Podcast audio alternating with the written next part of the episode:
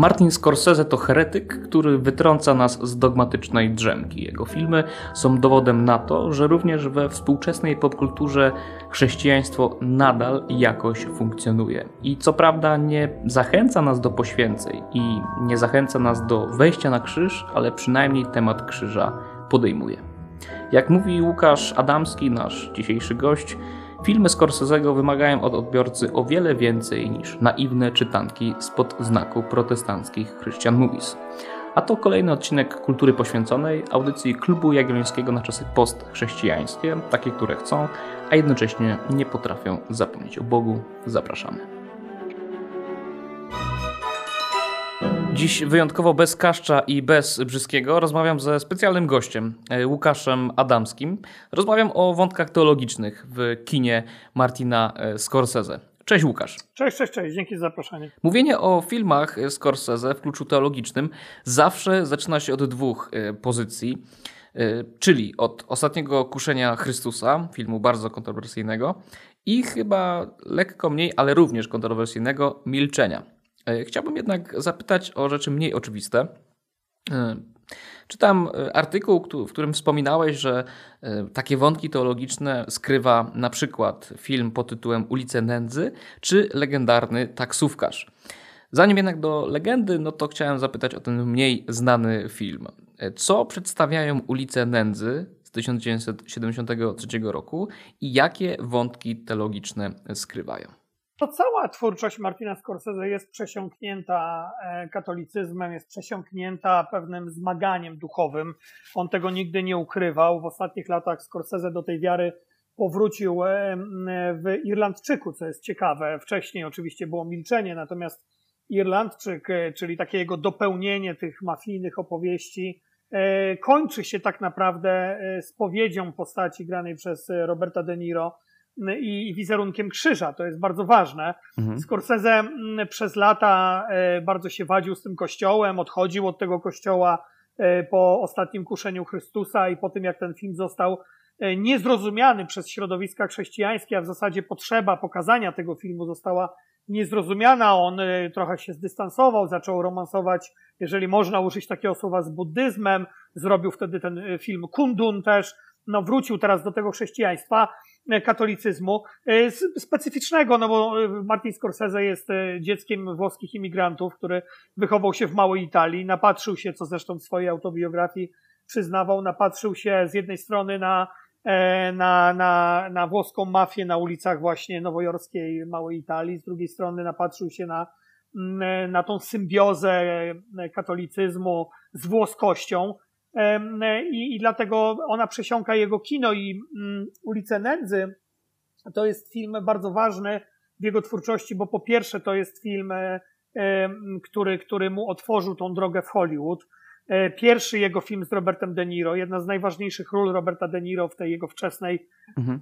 karierze. De, Niro wtedy pracował z Brianem De Palmą, tak, ale, ale nie, nie, to było jeszcze przed Ojcem Chrzestem drugim. E, za którego to De Niro dostał Oscara. I film, który jest przesiąknięty tym e, wiecznym pytaniem, które do końca e, w, w, w twórczości Scorsese'ego zostaje, czyli jak, w jaki sposób odkupić swoje grzechy. Tam Harvey Keitel, aktor, który później zagrał Judasza, bardzo ważną rolę Judasza w tak. ostatnim tak. Kuszeniu Chrystusa, aktor, który grał też w Alicja, Kto puka do, do, do, do twoich drzwi, czy Alicja już tu nie mieszka, tych wczesnych filmach Scorsese'ego. On tam gra mm, właśnie gangstera, który, e, który no, jest rozdarty między te życie na ulicy, a rozdarty między, między czynienie jakiegoś rodzaju dobra, który chce odkupienia, ale który nie chce odkupienia poprzez zmawianie zdrowasiek. On mówi w pewnym momencie, że e, odmawianie kilku zdrowasiek to jest bullshit, to jest nic nie warte. Ja muszę odkupić swoje grzechy na ulicę, na ulicy, no i ma swojego przyjaciela, takiego niesfornego Johnny, e, Johnego Boya, którego gra Robert De Niro, wiecznego rozrabiakę, faceta, który pożycza na prawo i lewo pieniądze od gangsterów i który staje, i którego Harvey Keitel, postać grana przez Keitela chroni, i który staje się takim e, sposobem na męczeństwo samego Keitela. I to jest bardzo głębokie dzieło teologiczne, takie porównywalne. Później Abel Ferrara zrobił Złego Porucznika, który jest w 92 roku, który jest porównywalny moim zdaniem do tego. ale, ale te wszystkie tematy teologiczne, społeczne, religijne, katolickie, które się pojawiały w ulicach Nędzy, one później były kontynuowane przez Martina Scorsese we współpracy i zaraz będziemy to pewnie kontynuować, bardzo ważnej współpracy ze scenarzystą Polem Schroederem, z, z którym razem stworzyli nie tylko taksówkarza, ale wściekłego byka, ostatnie kruszenie Chrystusa i co jest też istotne, ciemną stronę miasta z Nicolasem Cage'em, film z 99 roku, który jest takim powrotem też do religijnych treści. Odpoczynek z rodziną i przyjaciółmi połączony z ciekawą dyskusją? Nigdy nie było ku temu lepszej okazji. Spędź długi weekend nad brzegiem Buga ze środowiskiem Klubu Jagiellońskiego i odbierz przedpremierowy numer presji. Razem z członkami i sympatykami stowarzyszenia w nadburzańskiej scenerii będziemy dyskutować z zaproszonymi przedstawicielami organizacji społecznych, mediów i polityki. Już dziś zarezerwuj sobie czas od 16 do 19 czerwca i spędź go razem z nami. Więcej informacji o czerwcówce Klubu Jagiellońskiego znajdziesz na naszej stronie www.klubjagielloński.pl. Ja chciałem jeszcze się zatrzymać na tych ulicach y, nędzy, bo mówisz, że tam są bardzo ważne tematy teologiczne. Ja mówiąc szczerze, oglądając ten, ten film bardzo niedawno, przygotowując się w ogóle te, do tej rozmowy, byłem zaskoczony tą Twoją opinią, którą gdzieś wyraziłeś już, już kiedyś, że tam są głębokie, egzystencjalne, teologiczne pytania, bo zasadniczo to, o czym mówiłeś, o tych zdrowaśkach, to, że modląc się, główny bohater mówi o tym, że 10 zdrowasiek niczego nie naprawi i tak naprawdę trzeba zainwestować w katolicyzm. To jest taki, nie wiem jak to nazwać, teologia trochę, teologia bogatej tacy, nie? że jak on tam musi y, oddać od siebie y, właśnie na tej ulicy, żeby, żeby stworzyć, jakieś, stworzyć jakieś, nie wiem, dobro, coś realnego, coś materialnego, a nie tylko słowa. Y, I wydaje mi się, że, że oczywiście można tu dopatrywać jakichś teologicznych treści, ale jakbyś mógł rozwinąć ten wątek, bo wydaje mi się, że, że to jest jednak nadinterpretacja, żeby w te ulice nędzy jakby porównywać do, do tak no, ważkich teologicznie e, refleksji, które Scorsese czyni w Ostatnim Kuszeniu, czy, czy w Milczeniu na przykład. No tak, ale wiesz, w Ostatnim Kuszeniu Chrystusa Scorsese, e, Scorsese czy wchodzi e, na bardzo grząski grunt herezji, bardzo głębokiej.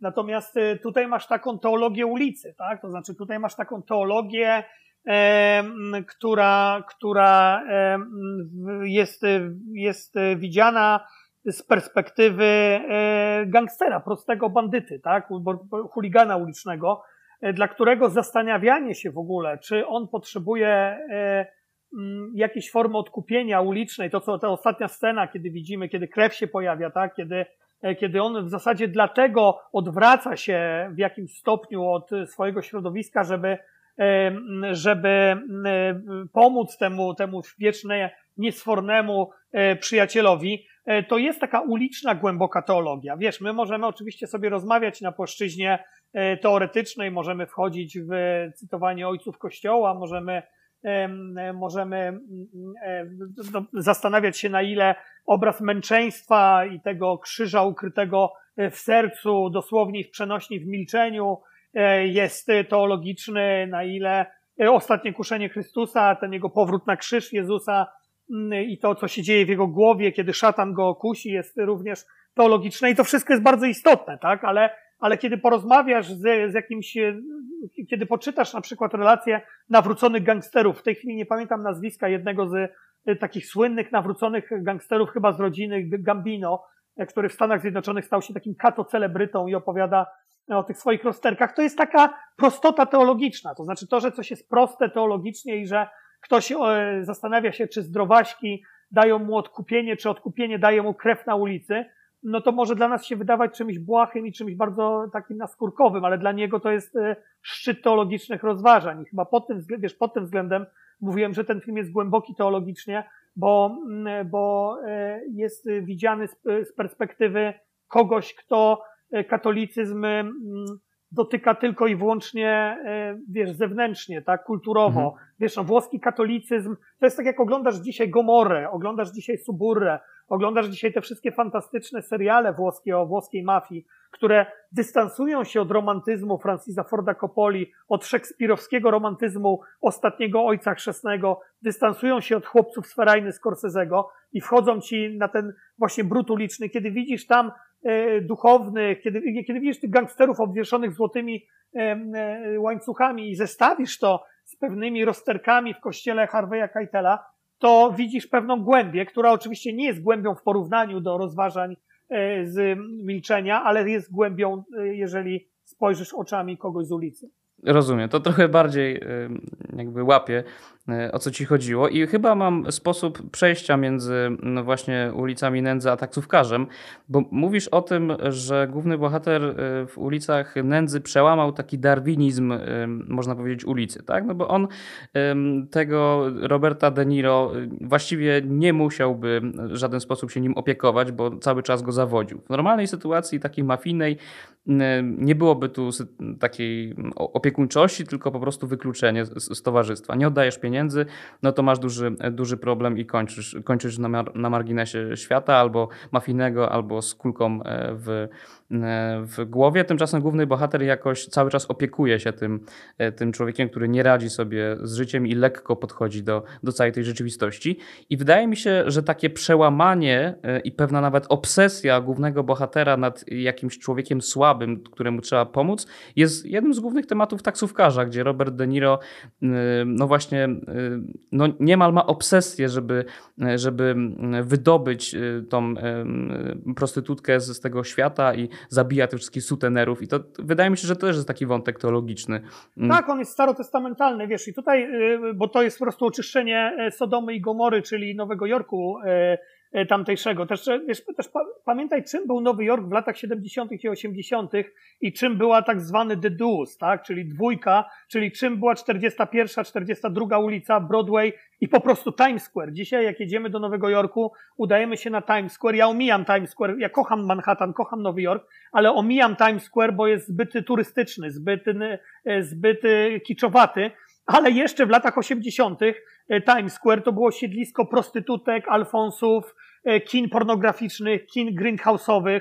Mm, e, to było, to było później Rudy Giuliani, burmistrz, on oczyścił ten Nowy Jork, hmm. ale, ale Nowy Jork tamtego okresu, no to było straszne miejsce, to była naprawdę Sodoma i Gomora.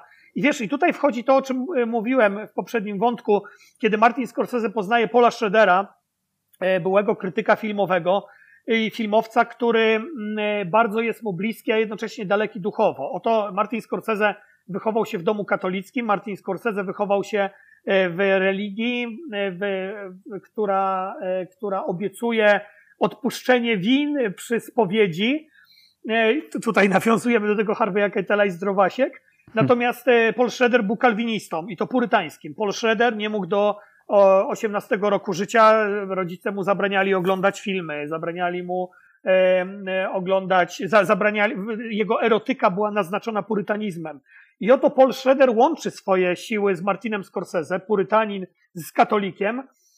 E, obaj oczywiście, jak wiemy, katol- e, gdzieś mają swoje, przepraszam, gdzieś mają swoje mm, rozważania cielesne. Z jednej strony Scorsese patrzy na cielesność i seksualność przez pryzmat katolicyzmu, a właśnie Schroeder przez pryzmat, y, pryzmat purytanizmu. I oto tworzą taksówkarza, tak? Film oparty też na książce, ale film, w którym to scenariusz właśnie pisze Schroeder i, mm, i tworzy taką postać Travisa Bickle, czyli gościa, który wraca z Wietnamu, gościa, który, który napatrzył się w Wietnamie na różne straszne rzeczy E, i e, wraca na ulicę Nowego Jorku i e, zupełnie się gubi w tej betonowej dżungli, dżungli grzechu. Mówi w pewnym momencie, że chciałby, żeby przyszła jakaś, przyszła woda i zmyła to, ten, ten, ten, ten, ten, ten plugastwa z ulic. No i chce też, tak jak Harvey Keitel w ulicach nędzy kogoś zbawić. Chce zbawić nieletnią prostytutkę graną przez Jodie Foster z rąk kogo? Harveya Keitela, który, który wciela się w, właśnie w sutenera, czy wciela się w jednego z najbardziej obrzydliwych e, Alfonsów w historii kina, Alfonsa pedofila. Mm, e, e, I, no i wtedy, i wtedy kosztem też własnej ofiary Travis robi rozwałkę na tych ulicach, ale taką starotestamentalną. I wiesz, jak patrzymy na, różną, na, symbolikę tego filmu, na to jego przemierzanie Nowego Jorku samotnie w taksówce, na to, z kim on się spotyka. Tam jest taka scena, kiedy jeden z pasażerów chce zabić swoją żonę, którą podgląda, tam wchodzi kwestia wojeryzmu, którą podgląda, jego zdaniem ta żona spotyka się z kochankiem. Tego pasażera gra sam Martin Scorsese, co jest też bardzo ciekawe. E, no i mamy, wiesz, mamy taką po prostu opowieść e, teologiczną też o, o, o zemście, o czystej zemście, tak, e, która też ma się kończyć jakimś rodzajem samobójstwa. Słynna scena, kiedy z palców tworzy pistolet Travis i strzela sobie w głowę, sparodiowana na wiele sposobów, z całą otwartą końcówką, która też jest tam bardzo ważna kwestia odbicia w lusterku, odbicia w lustrze, Mm, e, I to jest, też, to jest też dosyć głęboki film religijny, choć bez tego bezpośredniego odniesienia. Zauważ, że w taksówkarzu tego krzyża nie ma bezpośrednio, tego kościoła nie ma bezpośrednio. Jest ulica, jest ofiara, jest rodzaj e, poświęcenia. E, Travis Bickle chce się poświęcić dla tej dziewczyny, chce, chce żeby on był tą ofiarą, ale też Travis Bickle nie jest jednoznaczną postacią. To jest gość, który który mm, chce zastrzelić e, polityka Partii Demokratycznej, bo wie, że polityka jest skorumpowana, chce nawiązać relacje z kobietą, Sybil Shepard ją gra, nie potrafi, on ją właśnie bierze do takich greenhouse'owych kin pornograficznych, bo uważa, że e, pornografia jest czymś normalnym. On jest wytworem grzesznej kultury amerykańskiej, kultury, która została potępiona przez wszystkich przy wojnie w Wietnamie.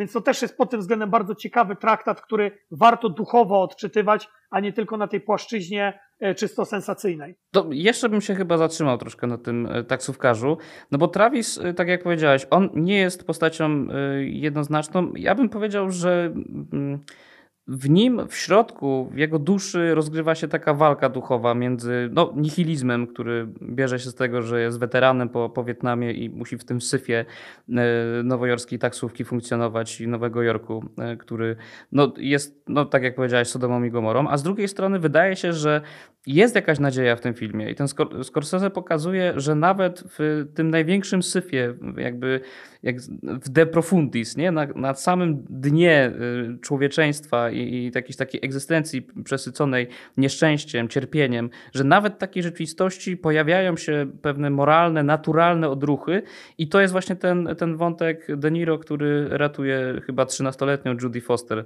e, czy usiłuje ratować. Również no, metodami nieewangelicznymi, mówiąc lekko.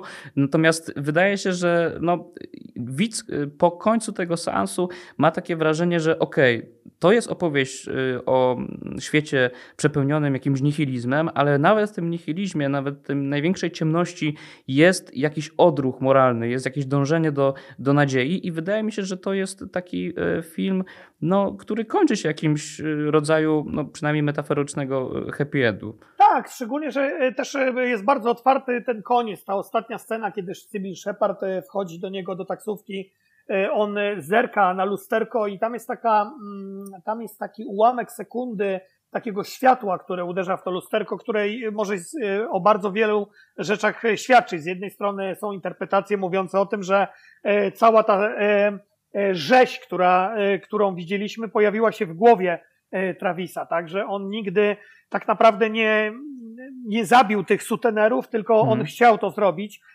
Dlatego w ostatniej scenie wygląda dokładnie tak samo jak przed tym, kiedy ogolił sobie tą głowę, tak, kiedy tego irokeza sobie zrobił i, i, i stał się tym mścicielem takim samozwańczym. Z drugiej strony, mm, e, e, tutaj można to interpretować jako właśnie e, ten taki mm, taki klik, który w głowie mu się pojawił, tak, taki strzał, takie pstryknięcie palcami i on znowu coś zobaczył w tym lusterku, co powoduje, że on dalej będzie tym mścicielem na ulicy, że cały czas tego spokoju ducha nie osiągnął. To jest bardzo ciekawe dzieło do interpretacji i interpretacji właśnie duchowych, choć nie jest to na pewno film tak e, przesiąknięty katolicyzmem, jak e, późniejsze filmy, kilka filmów Scorsese'ego, ale ja ten film, wiesz, też łączę właśnie z ciemną stroną miasta, E, który też napisał Paul Schroeder. To był film o, taksu, o nie o taksówkarzu, tylko o kierowcu, e, o kierowcy ambulansu. Nicolas Cage wcielał się tam w kierowcę karetki, który nocami ratuje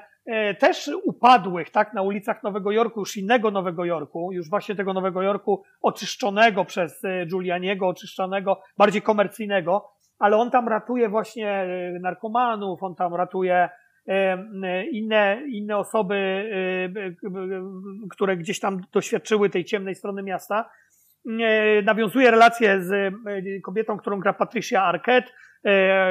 Ona, jej ojciec jest podłączony do respiratora i ten duch jego ojca prosi Nicolasa Cage'a, żeby go odłączył od aparatury, tak?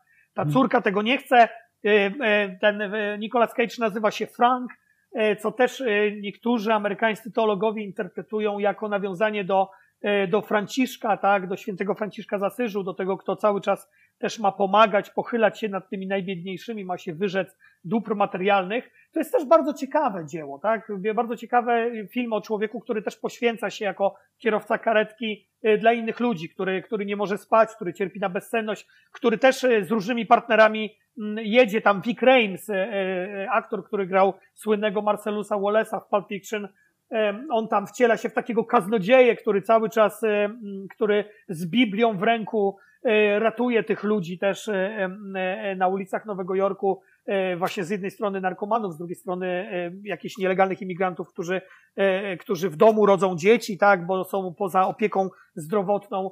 Mm, więc, więc ten, ten film też koresponduje z taksówkarzem, choć opowiada nie o mścicielach, a o ratownikach i to w dosłownym e, rozumieniu tego słowa, no bo o ratownikach medycznych. Mhm.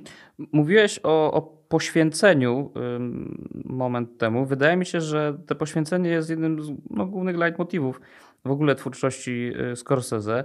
I jak mówiłeś o taksówkarzu, o tym, czy, że nie wiadomo, czy De Niro w końcu, Travis w końcu dokonał tych, tych, y, tych zbrodni, chcąc uratować e, tą e, niepełnoletnią prostytutkę. Nie wiadomo, czy tak jest, czy nie. To wydaje mi się, że podobny motyw takiego zawieszenia i, pewnego niedopowiedzenia, no właśnie otwarcia pola na różne interpretacje, zawiera się w z kluczowej z scen w Ostatnim Kuszeniu Chrystusa, które no, chyba nie trzeba mówić naszym słuchaczom, że jest to e, film chyba najbardziej e, kontrowersyjny z perspektywy e, katolickiej.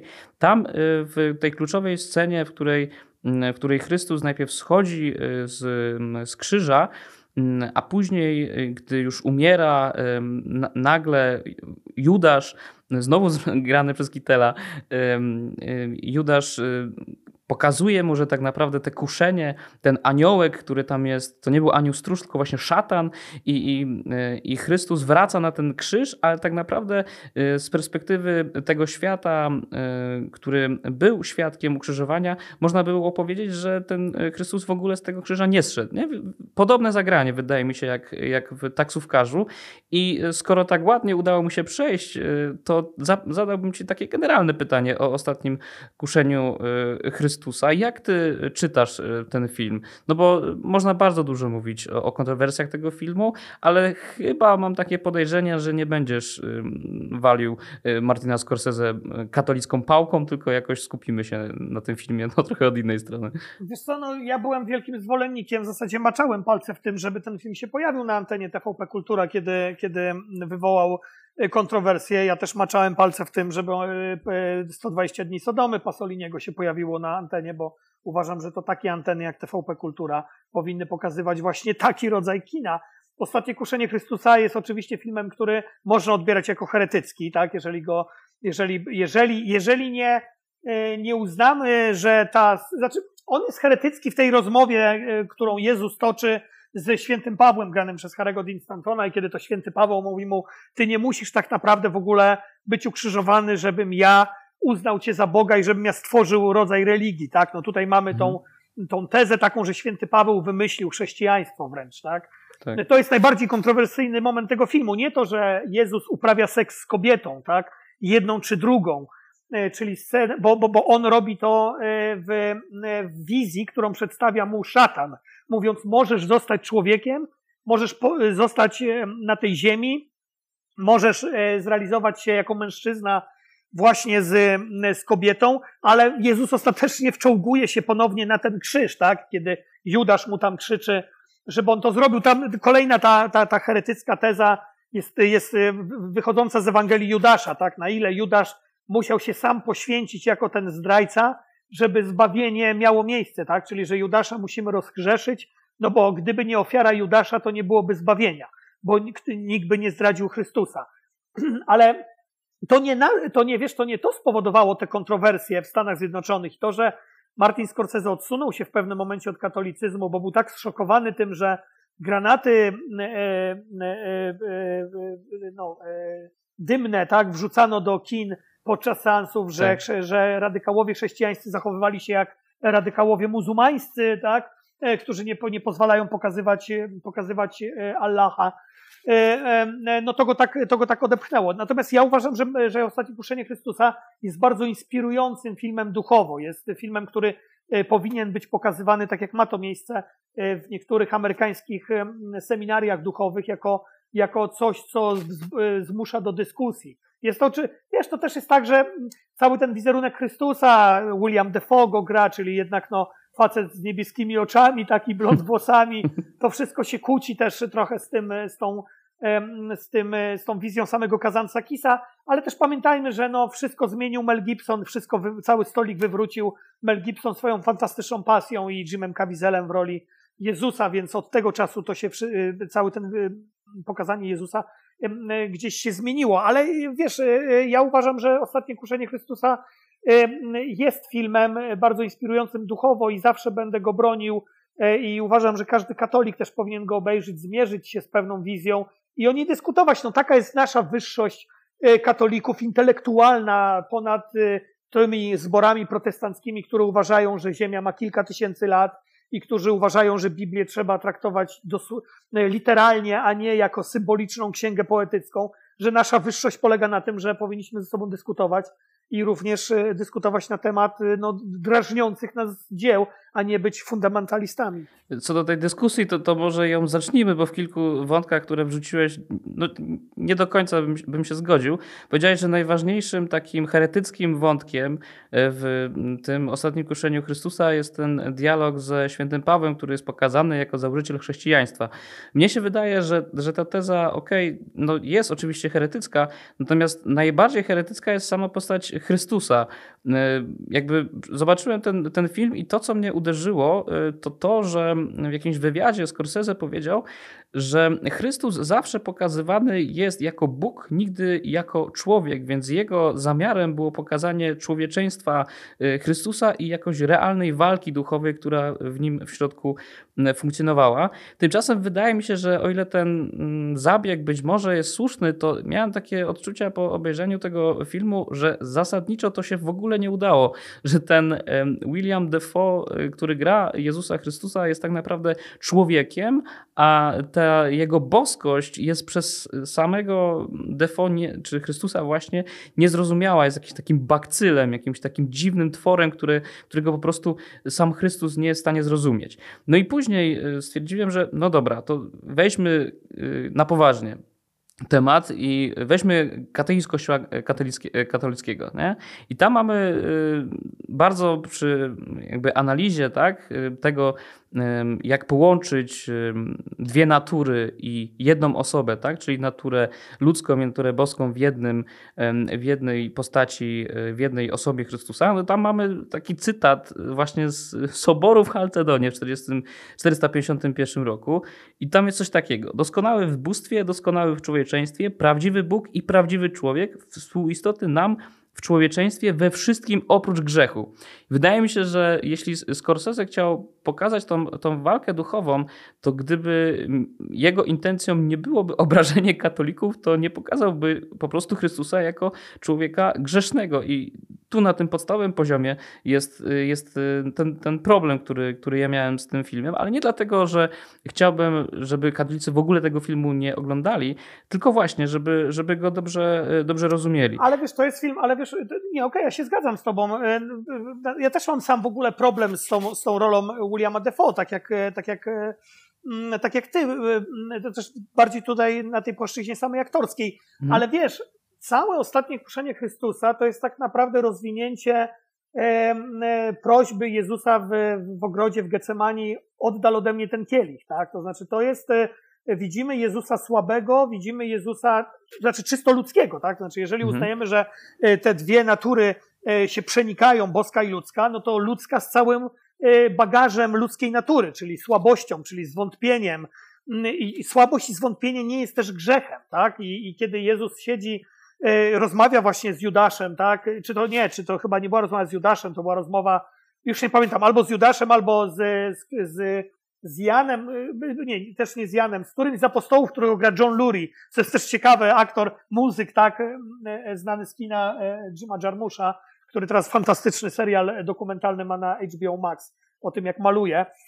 I wiesz, kiedy on mu mówi, ja się wszystkiego boję, tak, ja się, ja się boję wyzwań, ja się boję walczyć z Rzymianami, ja się boję, bo jestem człowiekiem, bo się boję. I wiesz, ja nie widzę tutaj żadnej grzeszności. Grzeszność, e, cała grzeszność Jezusa tak naprawdę, zauważ, jest zawarta w scenach, chociaż to też jest takie dyskusyjne, czy to jest grzeszność, no bo no, wiesz, jeżeli Jezus jest w związku małżeńskim i uprawia seks z kobietą, to tutaj w żadnym wymiarze nie ma grzechu. On z drugą kobietą uprawia seks, kiedy umiera mu ta pierwsza, czyli jest wdowcem, czyli też nie popełnia grzechu. Ale jeżeli mamy jakiś problem z Jezusem, to on jest w wizji, wizji szatana, tak? To jest cała istota mojej obrony ostatniego kruszenia Chrystusa. Gdyby Jezus nie wrócił na krzyż, tak, uznałbym ten film za skandaliczny, ale kiedy Jezus wraca na krzyż i odrzuca całe kuszenie, to ostatnie kuszenie, które, Jezu, które pod krzyżem ma miejsce, no to ja nie widzę grzeszności tej postaci, nawet w wymiarze czysto ludzkim. Y okej, okay, natomiast y, wiesz, wraca na krzyż, ale nie widzimy momentu zmartwychwstania, nie? Więc jakby to jest taki Chrystus, który na ostatnim momencie życia zorientował się, że anioł stróż, którego słuchał przez 20 lat swojego życia jest szatanem i, i musi wrócić y, na krzyż i y, potem napisy końcowe i koniec no tak, historii. Ale wiesz, no, tak, ale, no tak, ale mówi dokonało się, tak? To dokonało się, które to jest ostatnie to, co krzyczy jednak Jezus na tym krzyżu, do, dokonało się, tak? No to myślę, że to jest to dokonało się również, również zmartwychwstanie. Wiesz, ta scena zmartwychwstania byłaby zupełnie nonsensowna w filmie, e, który, który skupia się, tak jak sam mówisz, na ludzkiej naturze Jezusa, więc ja rozumiem Scorsese'ego, że on i Schroedera, że oni tego zmartwychwstania nie pokazują. Ale tak jak wiesz, e, Ostatnie Kuszenie nie jest moim ulubionym filmem, e, paradoksalnie, teologicznym Martina Scorsese. Uważam, że Uważam, że te elementy teologii, które są w ulicach nędzy, w taksówkarzu, w ciemnej stronie miasta, trochę w milczeniu, tak, one są o wiele ciekawsze niż to, co Scorsese pokazał w ostatnim kuszeniu Chrystusa. Też pamiętajmy, że lata 80. to był okres już po wściekłym byku, to był okres spadku formy samego Martina Scorsese, tak? Ja bardzo lubię czy, e, e, Króla Komedii z Robertem De Niro. E, to jest fantastyczny film, który zresztą E, Joker późniejszy, e, którego nie cierpię, e, no może za mocno, którego nie lubię za bardzo, Joker Toda Hayesa, który jest żynką absolutną, nie tylko taksówkarza, ale właśnie króla komedii. Później był Po godzinach film Martina Scorsese i właśnie Ostatnie Kuszenie Chrystusa to jest najgorszy okres artystyczny w historii twórczości Martina Scorsese. On się odrodził dopiero chłopcami z Ferajny w 90 latach w 90 roku. Więc myślę, że to nasze zarzuty w stosunku do ostatniego kuszenia, to, że mm, William Defoe nie jest tak poprowadzony, jakbyśmy chcieli, to, że pewne nie ma tego wyważenia, o którym ty mówisz, ja się z tobą zgadzam, nie ma tego wyważenia boskości i, i, i ludzkiej strony Jezusa, też myślę, że wynika z tego, że sam Martin Scorsese wówczas był dosyć mocno wpieprzony w kokainę, był dosyć mocno, miał, miał gdzieś tam pochłaniały go jego własne demony i to też wpłynęło na to, jak jego kino lat 80 po arcydziele, jakim było, e, jaki był wściekły byk, mm, wyglądało. Cieszę się, że zauważyłeś ten wątek, że ten ostatnie kuszenie Chrystusa to nie jest tylko film e, heretycki, ale no, wydaje mi się, że dość nieudany. Ja miałem takie momenty, że zastanawiałem się, czy kurde, to jest jakaś farsa, jakby się nie trzyma kupy. Ja miałem się jakby, miało mi zmrozić krew i miałem um, poważne rzeczy tutaj rozkminiać, a, a ja tak... No, no tak, ale kiedy, ale kiedy obejrzałeś ten film? Wiesz, ja, ja miałem takie samo odczucie, bo my nie obejrzeliśmy tego filmu w latach 80., kiedy pamiętaj, mhm. nie było, kiedy oczywiście e, było, był drażliwy, a może drażliwy. No był film Pier Paolo Pasoliniego, Ewangelia według Mateusza, który jednak jest polecany na liście watykańskiej, tak, tych 40 paru filmów, e, które Watykan poleca. Film marksisty, homoseksualisty, komunisty, tak? E, który, który, który, który, który zrobił film o Jezusie i też film, który pokazuje Jezusa jako takiego wojownika marksistowskiego właśnie, tego, którego później pielęgnowała teologia wyzwolenia, ten tak. obraz. Wiesz, no, w tamtym czasie nie było czegoś takiego jak ostatnie kuszenie Chrystusa. Nikt czegoś, tego nie zro... czegoś takiego nie zrobił. Był Zafirelli, był Rossellini z tymi ckliwymi swoimi filmami, gdzie też Robert Powell z niebieskimi oczami, tak, był tym Jezusem, ale nie było czegoś takiego. Nie było nawet pasji Mela Gibsona wielkiego filmu, który też wzbudza kontrowersję przez pewną kiczowatość, ale taką dobrą kiczowatość, więc to był szok dla tamtejszego widza. Dla nas to nie jest szok, bo my też wyrośliśmy już na kinie lat 90., wyrośliśmy na postmodernizmie Quentina Tarantino, więc takie filmy nie mogą nas po prostu szokować. Y żeby nie zostawiać tak e, suchej nitki na ostatnim kuszeniu Chrystusa, to chciałem zwrócić uwagę na jeszcze dwa elementy i przejść do ostatniego filmu, o którym dzisiaj chciałem z Tobą pogadać, czyli o e, milcze do milczenia. Ale jeszcze te, te dwa wątki e, z ostatniego kuszenia Chrystusa, które mi się podobały.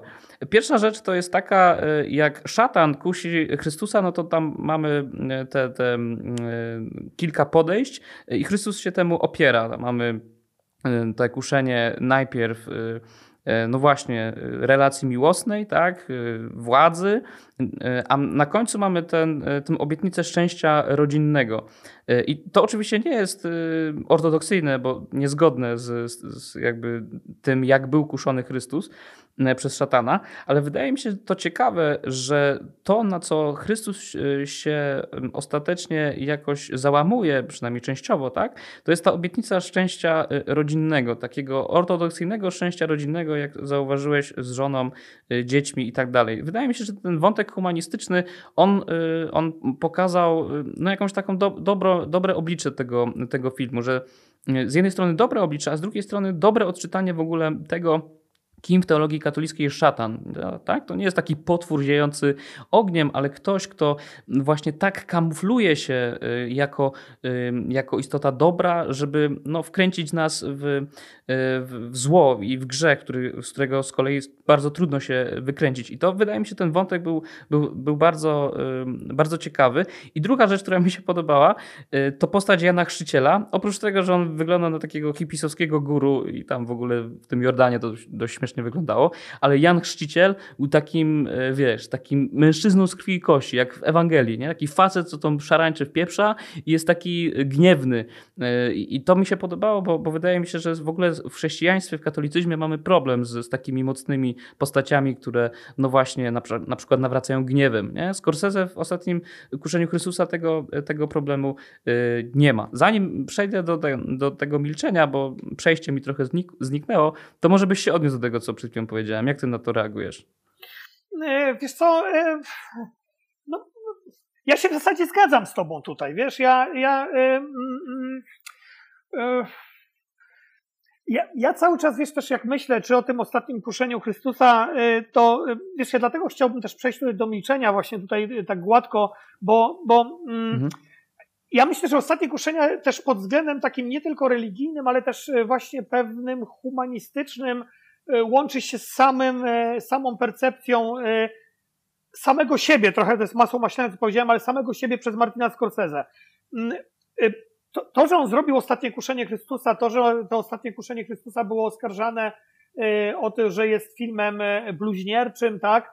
I to, że Martin Scorsese później skierował się w stronę tego buddyzmu lekko, tego kunduna, tego Dalaj Lamy, tak? Mm, I wrócił tym milczeniem, to wszystko pokazuje, że Martin Scorsese w tych swoich filmach religijnych opowiada sam o sobie.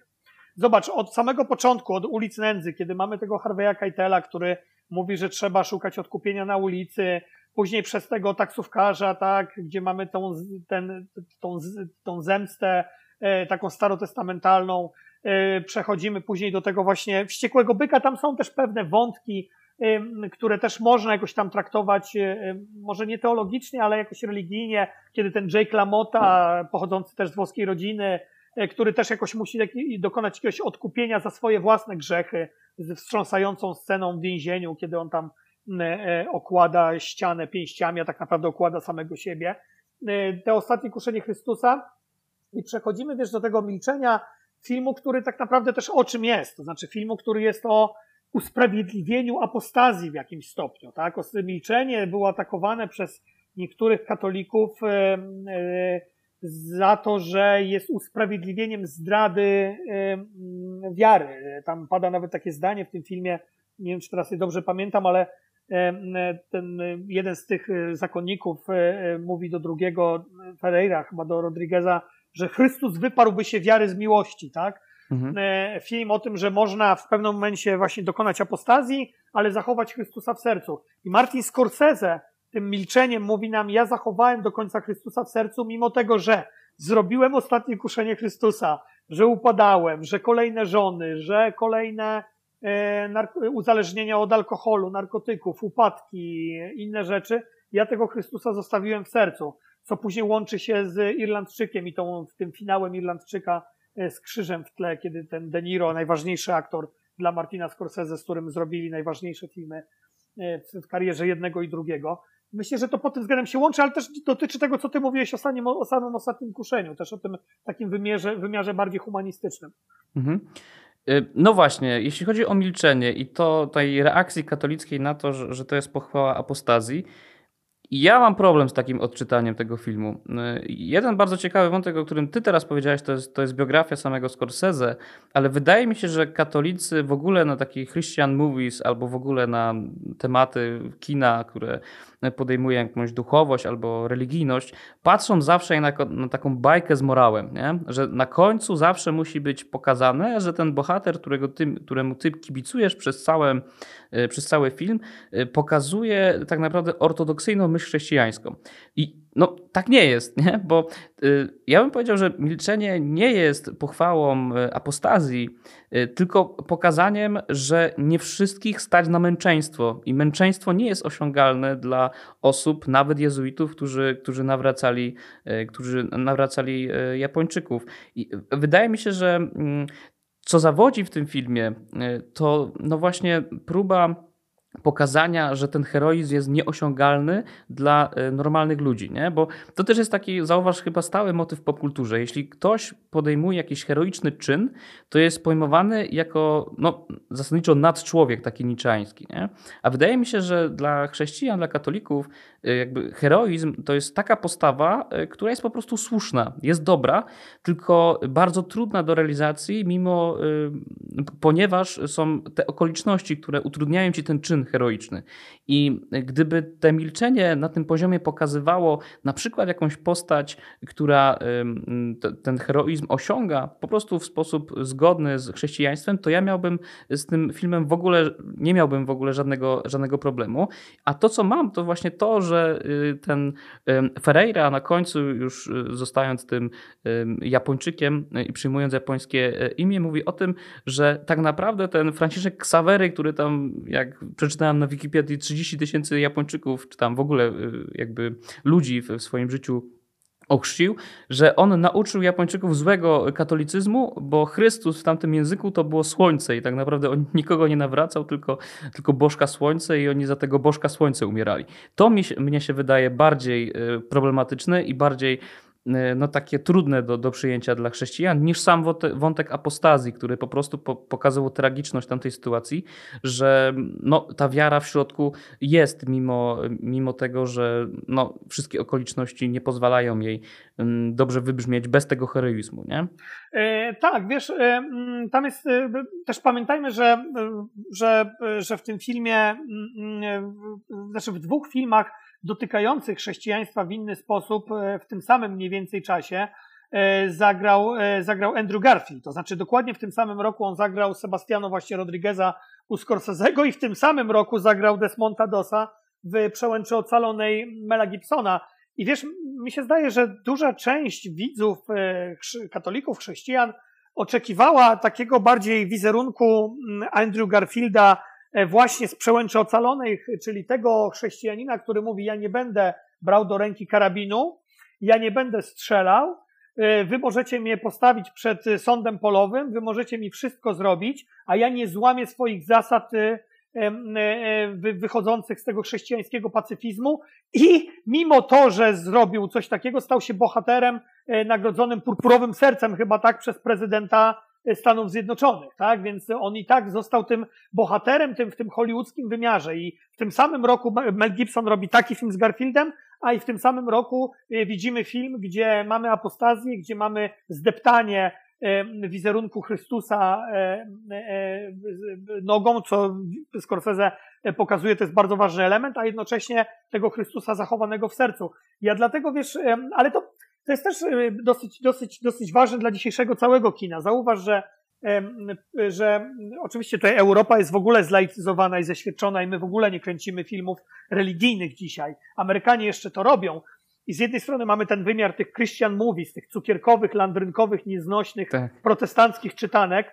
Ja wiesz, jak miałem przyjemność robić wywiad z Jimem Caviezelem, taki długi, godzinny wywiad z nim robiłem, i on, i, on, I on mówił też, że on nigdy w życiu nie zagrałby w Christian Movie, tak? To znaczy, że dla niego e, nie tylko dlatego, że on grał w takich e, też bardzo inspirujących e, religijnie, teologicznie dziełach jak Cienka Czerwona Linia Terensa Malika, czy właśnie był Jezusem w pasji Mela Gibsona, ale on mówi, ja nigdy do takiego kina bym nie wszedł.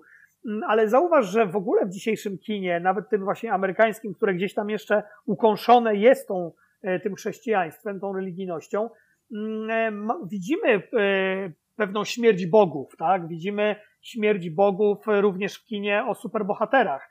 Dzisiaj tymi bóstwami, tymi bogami e, neopogańskimi stali się bogowie, herosi, superbohaterowie z, z Avengersów, z, ze świata DC. To też pewnie jest na oddzielny podcast w ogóle rozmowa, też jak ciekawie Zack Snyder w tym swojej reżyserskiej wersji Ligi Sprawiedliwości wracał do judeo-chrześcijańskich symboli przy Supermanie i Batmanie, ale mhm. zobacz, ci bogowie w tych filmach e, marvelowskich też giną, tak? W ostatnich Avengersach mieliśmy uśmiercenie wielu z tych bogów. Oni później się tam odradzali, tak? Mieliśmy tą całą kwestię Thanosa i, i, i, i, trochę, i, trochę, i trochę to też podobne jest do tych, do tych, e, do tych treści e, w wymiarze tym, tym, tym bardziej religijnym.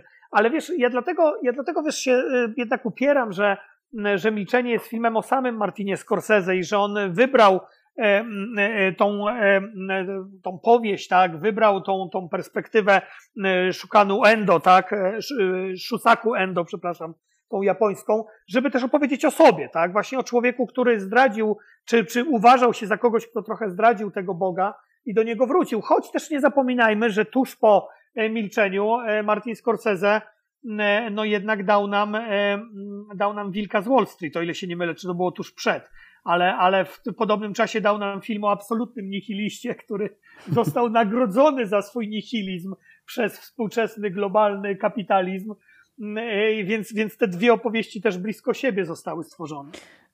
Trochę zmierzając do, do finiszu, chciałem jeszcze zauważyć jedną rzecz w milczeniu, która moim zdaniem no, jest w ogóle tak jakby narysować szerszy, szerszy obrazek, to chyba jest największą wartością tych, tych filmów Scorsese podejmujących wątki ważne z perspektywy teologicznej.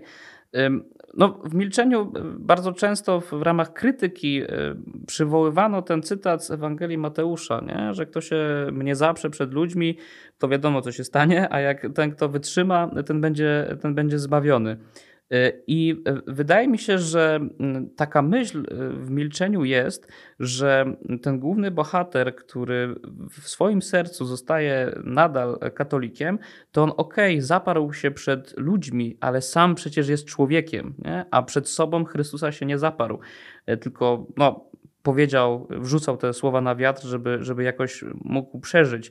I wydaje mi się, że taki dylemat moralny i takie odczytanie Ewangelii, zupełnie nieoczywiste, pewnie na granicy jakiegoś modernizmu, ale ono jest potrzebne, no bo, no kurczę, wtedy właśnie przy takich filmach człowiek może zobaczyć, że te teksty objawione, które były pisane tak przecież bardzo dawno temu, jakoś dzisiaj można pokazać na konkretnych dylematach moralnych. I, I wiesz, i, i dzisiaj w, w, świecie postchrześcijańskim, a chyba no, ja uważam, że my żyjemy w postchrześcijańskiej cywilizacji, e, która, która raczej opiera się na pewnym kulturowym czy takim właśnie, właśnie symbolicznym tylko wymiarze chrześcijaństwa, powinniśmy chyba opowiadać w taki sposób. To znaczy, e, za, zarzut do milczenia ze strony konserwatywnych katolików był taki, że o, Scorsese znowu jest zafascynowany Judaszem, tak? O, Scorsese, który gdzieś tam no, wyniósł tego Judasza w ostatnim kuszeniu Chrystusa do e, pozycji kogoś, bez kogo zbawienie nie miałoby szansy się dokonać. E, tutaj znowu zwraca, znowuż chwali tych, którzy zaparli się Jezusa, wyparli się, ale gdzieś go tam w sercu dochowali, tak jak Judasz no, w sercu tego Jezusa w ostatnim kuszeniu Chrystusa zachował, no bo no bo w tej wizji szatana nawet krzyczy do niego, wracaj na ten krzyż, co ty zrobiłeś, my się poświęciliśmy.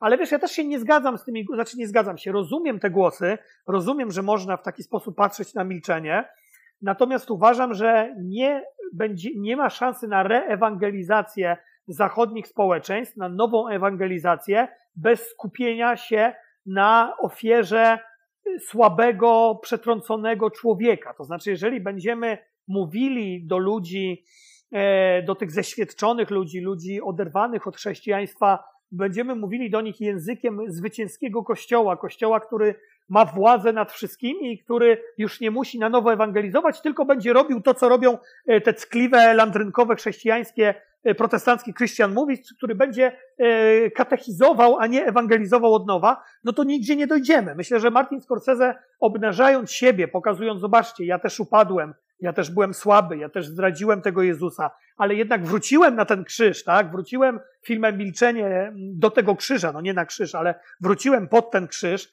No to jest coś o wiele ważniejszego dla widza e, rozdartego, błąkającego się, zaślepionego, niż e, e, mówienie do niego z pozycji zwycięskiego kościoła, który mówi, no musisz być męczennikiem, a jak nie jesteś męczennikiem, to nigdy nie doświadczysz zbawienia. No nie, chyba, chyba już nie jest czas na takie ewangelizowanie. Super. Wydaje mi się, że podczas tej rozmowy zgodziliśmy się y, co najmniej z kilkoma rzeczami, ale taka jedna myśl, która jakoś mi y, pobrzmiewa, to to, że Scorsese wytrąca y, chrześcijan takich kulturowych z takiej dogmatycznej y, drzemki. Pokazuje, że, że te y, dylematy, które są opisane mm, w Ewangelii, one są dalej żywe i mogą, mogą być żywe. To, co powiedziałeś na końcu, żeby nie pokazywać zwycięskiego chrześcijaństwa, zwycięskiego katolicyzmu dla ludzi totalnie już zaświadczonych, to okay, chyba bym się zgodził, ale tak naprawdę wydaje mi się, że ta nowa ewangelizacja, czyli pokazywanie człowieka słabego i rozdrganego, że wiesz, to ma też drugą stronę, nie? Bo ja bym chciał widzieć y, taki katolicyzm gniewny, można powiedzieć, taki, który by wstrząsał, ale też swoją doniosłością, jakąś taką y, patetycznością może na nowo opowiedzianą. Tego wiesz co, ale on jest, ja ci to jeszcze wejdę w słowo, wiesz co, on jest, bo w tej chwili na, na VOD y, w ostatnich dniach pojawił się bardzo ciekawy film Paula Schroedera, wyprodukowany przez Martina Scorsese, Hazardzista. Film z, z Oscarem Isaaciem, E, który, mm, który jest też, e, e, ma siłę w jakimś stopniu taksówkarza, tak? Też jest o facecie, o żołnierzu, który wraca z więzienia, który był skazany za to, co za torturowanie irackich więźniów, jak pamiętamy, te wstrząsające obrazy z, no, jest, jest jednym z tych, który torturował i on później powraca i też stara się jakoś odkupić i od, odkupić poprzez zemstę, tak? Odszukuje człowieka granego przez Williama Defoe, co jest bardzo istotne, e, e, który to, który to jest, e, jest tym przedstawicielem tej, tej, tego reżimu, tak, który, który zawsze wychodzi obronną ręką, a skazywani są tylko wykonawcy rozkazów. I to jest wiesz, też bardzo ciekawy film, bardzo ważny film, film człowieka, E, Paula Schedera, który też e, cały czas tworzy to kino religijne. On, on oczywiście jest zapatrzony w pamięć niebieskiego proboszcza Roberta Bressona, dostał niedawno i to jest też, to, to jest taka teza, wiesz, tak jak często polska prawica mówi, o, te, Holly, te, te, te Oscary i ci lewacy z Hollywood, oni w ogóle nie dostrzegają chrześcijańskich filmów, tak, oni, oni nie dają nominacji do Oscara, co jest bzdurą, jak spojrzysz na nominację do Oscara dla filmu Miniari, bardzo chrześcijańskiego, czy nominację do Oscara dla pierwszego reformowanego, tak, to jest film właśnie Paula Schroedera, film o tym, o, o, o duchownym, o proboszczu, E, protestanckim, który mm, realizuje dosłownie, znaczy, który chce ochronić ziemię, ochronić klimat i chce dokonać zamachu, tak jak Travis Bickle w taksówkarzu, e, terrorystycznego zamachu na wielki kapitał, na tych kapitalistów, którzy niszczą nam ziemię. E, I to jest też bardzo duchowy film, film, który, który, który w pewnym momencie wchodzi ci na wysoki, na wysoką debatę, znaczy na wysoki poziom debaty teologicznej, tak? Takiej egzystencjalnej, więc Paul Schroeder, właśnie autor scenariusza do Ostatniego Kuszenia Chrystusa, taksówkarza e, e, ciemnej strony miasta, e, cały czas to kino religijne realizuje, a Martin Scorsese mu to kino produkuje. Więc nie zapominajmy o Hazardziście, bo to jest też ważny film, który też w jakoś się wpisuje w samą filmografię Martina Scorsese. Dzięki Ci y, za tą rozmowę i dzięki Ci za te polecajki o hazardziście. Akurat chłopaki Kaszyszyn i Brzyski rozmawiali w innym odcinku Kultury Poświęconej. Y, Jeśli chodzi o Minari, to ja to polecałem. Uważam, że bardzo chrześcijański i dobry film. Taki łagodzący, można powiedzieć, y, nie wiem co, chyba sumienie i w ogóle nastrój. Pierwszy reformowany, tego nie widziałem. Być może to jest następna wyspa do odkrycia dla kultury poświęconej. Łukasz Adamski był z nami, krytyk filmowy. Bardzo dziękuję za obecność i mam nadzieję inspirującą rozmowę. Dzięki wielkie.